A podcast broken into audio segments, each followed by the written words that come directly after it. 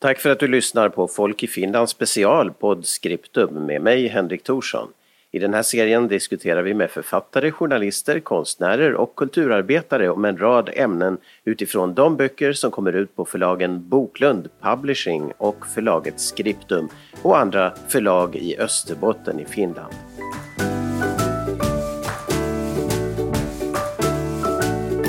Ja, välkomna till Podscriptum. Det är en podcast som handlar om böcker, som möter författare och tar upp ämnen som presenteras i böcker. Framförallt från Österbotten i Finland men också från andra håll.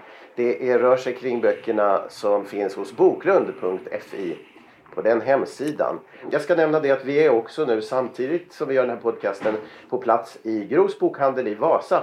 Och där har vi en liten publik också som lyssnar så det kan ju hända att det kommer frågor och dessutom är det signering efteråt så det hoppas vi på. Men i alla fall, dagens bok är Big Daddy och författaren själv är här. Välkommen hit Dennis Runt. Tack ska du ha. Men du, du, frågade mig, eller jag frågade dig, vad ska jag fråga dig? och du sa, varför skrev du den här boken? Eh, så det är väl den första frågan då. En orsak är att min morfar försvann 1936 och en annan orsak är att jag hade en farfar som, som inte försvann utan som, som var väldigt närvarande under en lång period. Och, ja, och då kanske vi ska presentera de här två som är huvudspåren i boken då. Vem var din farfar och vem var din morfar helt enkelt? Jag kan börja med morfar, han är större där på pärmen. Egentligen så hette han från allra första början Kalle Andersson när han utvandrade från eh, Mellansverige till USA för länge, länge sedan. Men där tog han namnet Carl Julius Anderson och sen blev det Carl Julius Anderson Warren och så blev det Carl Julius Warren. Och efter det har jag bestämt att han tog namnet Larry Harg. Mm -hmm. Hur man sen uttalar det vet jag inte för att Harg egentligen en liten ort i Sverige. Är namnet ditt påfund då? Nej? Det är mycket som man inte vet som är mitt på. Hela den här boken är ju egentligen mitt påfund mm. från början till slut. Ja, vi ska den här är väldigt mycket som stämmer överens med, med verkligheten. Mm. Och sånt som kanske inte gör det. Just det. Ja, men det, det blir lite intressant eh, att fråga mer om. Men vi har också farf, eh, ja, farfar farfar Joel runt så han han utvandrade från Kåvijoki i Nykarleby, landskommun på den tiden. Han blev folkskollärare, så var han journalist i Gamla Karleby. Hittade en flicka i Helsingfors, flyttade till Helsingfors. Han blev kanslichef för Svenska folkskolans vänner, fick en hjärtattack och förstod att han klarade inte av det jobbet och beslöt sig för att bli skribent på heltid och han skrev väldigt mycket. Han bara skrev och skrev och skrev. På den tiden så fanns det utrymme för både dikter som han skrev och festdikter och på 20, 30, 40 och 50-talet då hade han sin glansperiod. Mm. Då var han riktigt sådär stor. Och du har i en tidigare intervju som vi har haft eh, när vi har mötts nämnt lite grann att han var också för dig personligen en, hade en betydelse kring det också? Ja, han var en förebild. Jag läste hans dikter men jag förstod dem icke. Okay. jag läser den fortfarande och respekterar den men jag, han gjorde en massa annat. Han, hans flit, hans sätt att använda språket, hans påpasslighet, hans snabbhet emellanåt när han hamnade att skriva en nekrolog för en dagstidning, hans hängivenhet och, och hans aktivitet överhuvudtaget som skribent så var var för mig en förebild. Mm. En annan orsak till att jag skrev den här boken var ju att jag var med och dödförklarade min morfar 1985. Mm. Och efter det så tänkte jag, men tänk om han ändå lever. Tänk om han ändå lever. En tredje orsak, eller kanske en fjärde orsak, så var ju det att vi barn i familjen var så upprörda över att han, att han hade försvunnit och lova komma och hämta vår mor, alltså hans dotter, tillbaks till USA. Mm. Men han kom aldrig. Och hon blev väldigt besviken. Vi var arga på honom. Och jag tänkte att men, då ska vi inte vara arga på honom. Vi ska se honom som en, en frånvarande hjälte.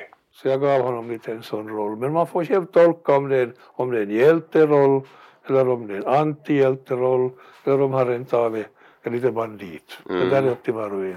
Åtminstone i mina tankar, kanske också i mina gener, man vet inte.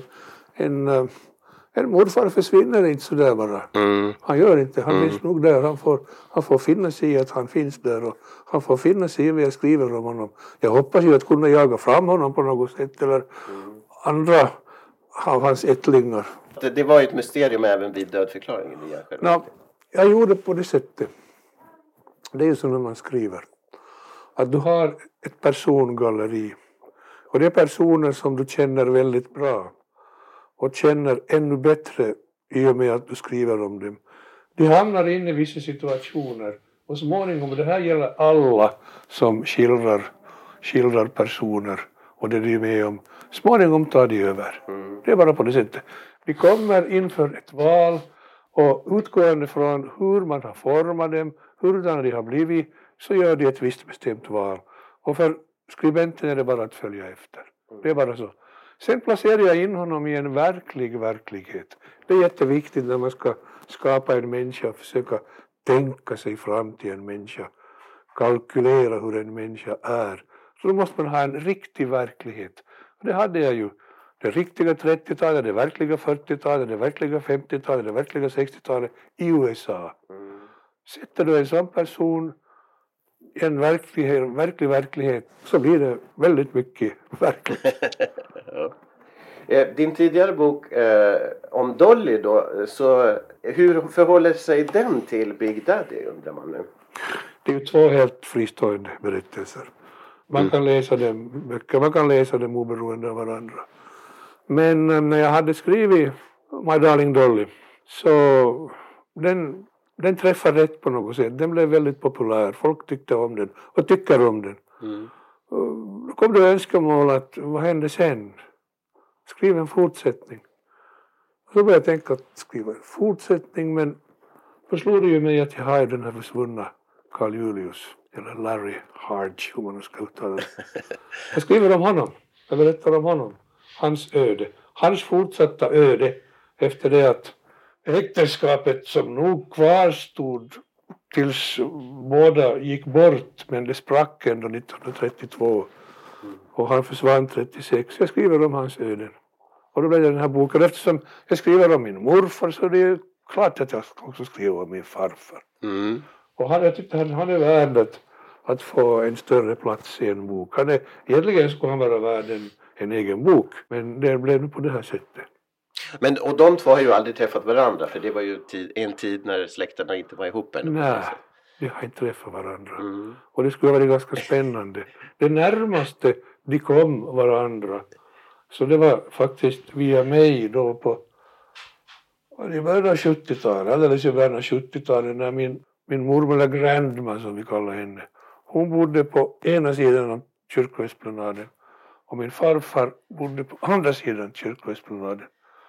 Först var jag hemma hos min grandma och hon bjöd, bjöd på mat och grejer och hon rökte hela tiden och hon bjöd, bjöd ännu mer om mat och grejer och rökte hela tiden och så en liten sherry på. Sen hade jag lov att komma och hälsa min farfar. Så jag gick då över kyrkoesplanaden och ringde på och där stod han i kavaj och grå byxor och väldigt städad och jag stod där och stank av tobaksrök och kanske lite sherry och han var mycket sirlig och bjöd mig in och gav mig ett äpple och vi samtalade och han läste en dikt och jag satt där och kände mig som jag skulle komma från en nattklubb. Så det var spännande.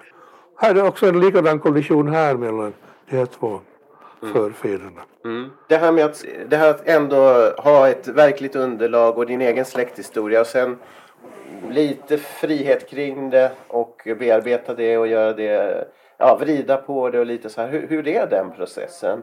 Att skriva min farfar så blev ju svårt. Mm. För där hade jag väldigt bra material. En massa dagböcker, min farmors och hans egna och mycket, mycket text och så vidare. Mm. Och hans produktion och sådär. Så jag måste ju liksom respektera det. Mm. Kunde inte leka med honom, man leker inte med honom. Mm. Han är en sån man som mm. man inte leker med. Jag vågar inte leka med honom, även om han nog hade ett leklynne. Mm. Men det var lättare med min morfar, för där hade jag en, han hade gett mig den där friheten i och med att han stack 1936 och mer eller mindre sa att gör vad du vill grabben. Mm. Jag ställer nog upp. så att eh, där hade jag ett större spelrum. Mm. Men i den här i Big Daddy så man kan nog utgå från att det som händer i Finland så det är ju nog, det har hänt. Mm. Det behöver man inte fundera. Det som sen händer i USA så det kan ju ha hänt. Mm. Men och i förhållande till eh, My Darling Dolly är det samma stil där eller var den mer autofiktion och den här mer verklighet eller vad skulle du säga? Jag skulle säga att det är väldigt lika. Mm. Väldigt lika nog. Och, och, det är ju egentligen en, en, fortsättning men också en, vad ska man säga, parallell historia. Det ja. Så det är samma, samma serie? No, det är en parallell historia. Man kan ju säga nog förstås att var Darling Dolly så mer av det som hände i USA så hade det nog hänt på riktigt, ja. riktigt. I och med att du hade källan där. Ja, jo. Men just det här med källor är intressant och du har ju varit journalist också många år och chefredaktör och allting. Så hur, hur eh, går man tillväga när man gör framförallt det här om, om någon som, du, som då försvann 1936 och sen bygga upp de här verkligheterna? Vad sökte du på nätet eller vad? vad ja, alltså för, för 20 år sedan så skulle jag ha suttit i någon källare och bläddrat i tidningar. Mm. Åkt till USA och tittat och antecknat och fotograferat. Men nu har vi ju nätet och det är fantastiskt. Mm. Min syster hon åkte nog i vår mors spår och letade upp platser där hon hade nog vuxit upp i USA. Och jag hade nog också planerat att göra det men nätet gjorde att man kan sitta hemma och flytta sig med Google. Det går jättebra. Karta, så går du ner, ställer dig på en gata så kan du se huset där de bodde. Mm. Och när jag såg huset där de bodde så hittade jag det som en annons för huset där de bodde som hade bilder inifrån det huset så jag kunde gå in i det där huset. Det var byggt någon gång på, tänker jag mig, på, på 20-talet. Och min mor berättade ju nog lite om vad som hände där. Och det var ganska, hennes berättelser var sådär lite melankoliskt dystra. Och när jag gick in i det huset så märkte jag nog varför. För det var dystert, det var mörk, mörk panel på väggarna, det var mörkt på golvet och det var sådär liksom. Ingenting hade gjorts åt det där huset som var till salu. Jag tror att det kostade väl inte så mycket heller inte men man ser nog när det har hänt positiva saker eller när det har hänt negativa saker. Mm. Men det var en intressant upplevelse och jag tackar så mycket net, nätet för det. Blev det sålt eller? Du vet? Jag hoppas att det är sålt. Okay. Men um, det här med att vara journalist och skriva sen romaner. Du har ju gjort flera romaner, även tidigare serier. Eh, vad är skillnaden mellan att jobba som journalist och eh, att skriva en hel bok som ju tar en lång tid och så här? Att uh, utgå från det att man har jobbat som journalist så det är ju både positivt och belastande. Det är positivt på det sättet att man är van att skriva, van att formulera sig. Men det är en belastning på det sättet att man hakar väldigt mycket upp sig på, på detaljer och vill att saker och ting nog ska vara korrekt och, och riktigt och, mm. och, på det där sättet. Så det, finns det en liten broms för, för fantasin då? Ja, eller? Jag skulle mm. gärna fabulera mera, mm -hmm. mera nog liksom låta fantasin fara iväg. Men jag vill ändå att det ska verka trovärdigt hela tiden. Mm. Det finns författare som, som uh, skriver väldigt trevliga grejer där de hittar på och det inte finns några gränser och det är explosivt och, och läsarna älskar det. Men uh, jag tycker att det är lite för enkelt. Jag vill att det ska vara trovärdigt helt igenom. Och det är liksom, det är ett yrkesfel. Eh, vad, vad tänker du dig att, att läsaren ska få för upplevelse eller så här? Att det är en gemensam värld. Jag menar, det handlar inte bara om, om Österbotten, Svensk, Finland, Finland, Norden. Det handlar om USA. Det, det finns, vi har gått sådana stigar, vi har en sån bakgrund att vi, liksom, vi är ett mönster, ett brokigt mönster av härstamningar och nationaliteter och så vidare. Så att väldigt få av oss kan peka på en liten by och säga att därifrån kommer jag mm. och alla mina förfäder. Utan vi, vårt hem finns på så många olika sätt, vår, vår härstamning finns på så många olika håll. Så att vi, vi ska akta oss för att spalta upp oss allt för mycket i finländare, svenskar, amerikaner, österbottningar, skåningar och så vidare. Mm. Utan vi är vad vi upplever och vad vi ger varandra och får av varandra. När, när det gäller de här huvudfigurerna som du har i Big Dad i din bok så vilken är du själv närmast skulle du säga? Ja, det är intressant nog att, att äh, med, med släktingar, med förfäder, med fäder och ska vi nu hålla oss till fäderna? det är intressant nog därför att när man är riktigt, riktigt ung så tar man ju fullständigt avstånd. Ja. Det gör man ju till allt. Mm. Och det är jättedumt att man gör det, men man gör ju det. Sen småningom när man lägger år till år så börjar man känna igen sin far hos sig. Mm. Man märker att jaha, just så, jag är likadan i det avseendet. Sen när vi kommer till de här två gubbarna så jag hoppas få vara en blandning mm. av dem. Jag tror att jag är en blandning av dem. Och inte vill jag nu säga att min morfar på något vis att jag skulle ta hans hans, hans banditsidor och min, min farfars renlevnad utan en blandning, en salig blandning som, som håller igång. Mm. Och som ger en, en viss styrka som person men också en ödmjukhet och en, en sån här förmåga att inse sina begränsningar.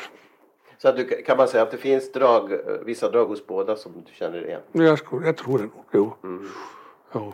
Att skriva sin egen historia det är ju en stor sak och eh, det är många som drömmer om det. Så du, nu har du gjort det och eh, i två böcker här. Hur är det nästa steg då? Är du på väg att fortsätta det här? Eller? Ja, det är roligt tycker jag att så många så ofta frågar hur ska du fortsätta? ja. ja, naturligtvis måste jag fortsätta. Nu är det flow.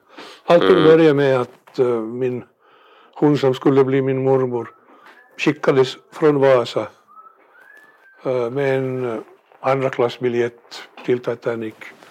Och där är vi, berättelsen fortsätter. Mm. Den, det blev My Darling Dolly, det blev Big Daddy och det är klart, det måste bli en fortsättning. Mm. Det måste, det är lite som en Netflix-serie att första säsongen, andra säsongen, det måste komma en tredje säsong. Ja. Det är bara så. Men det är också det du vill, hoppas jag. Jo, jo. Ja. jo.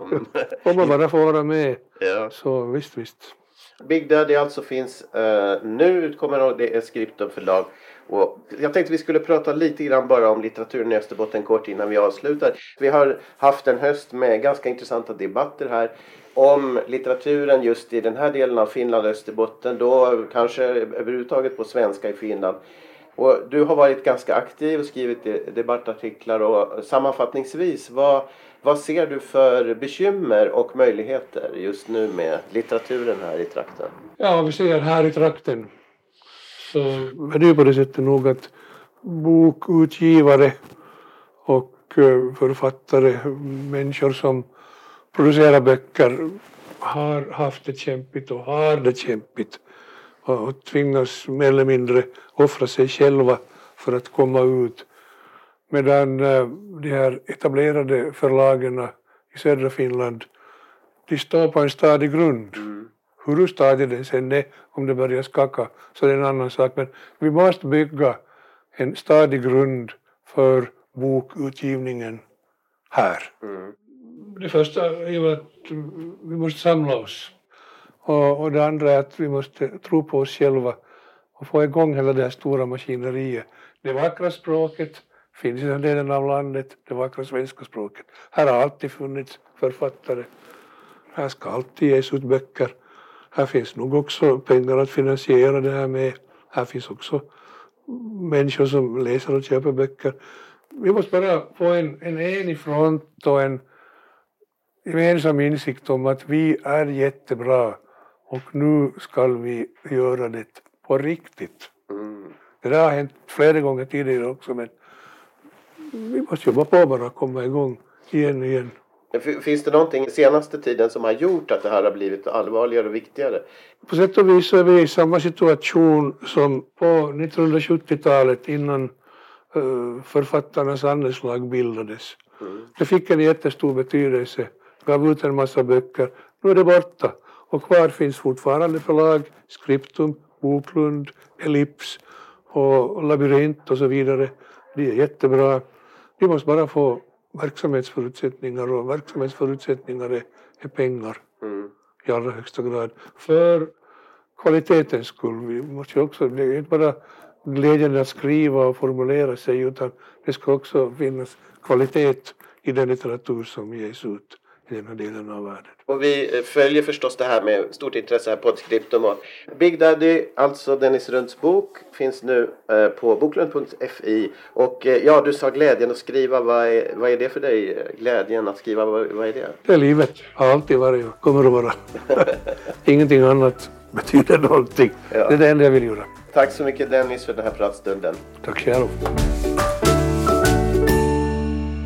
Du har lyssnat på Podscriptum, podcasten om böcker, författare och intressanta ämnen från förlaget Skriptum och förlaget Boklund Publishing i Österbotten i Finland. Du hittar fler program och andra podcastserier som du kan ladda ner på hemsidan totalmedia.com, total med th, totalmedia.com. Och du kan läsa om nya böcker på sidan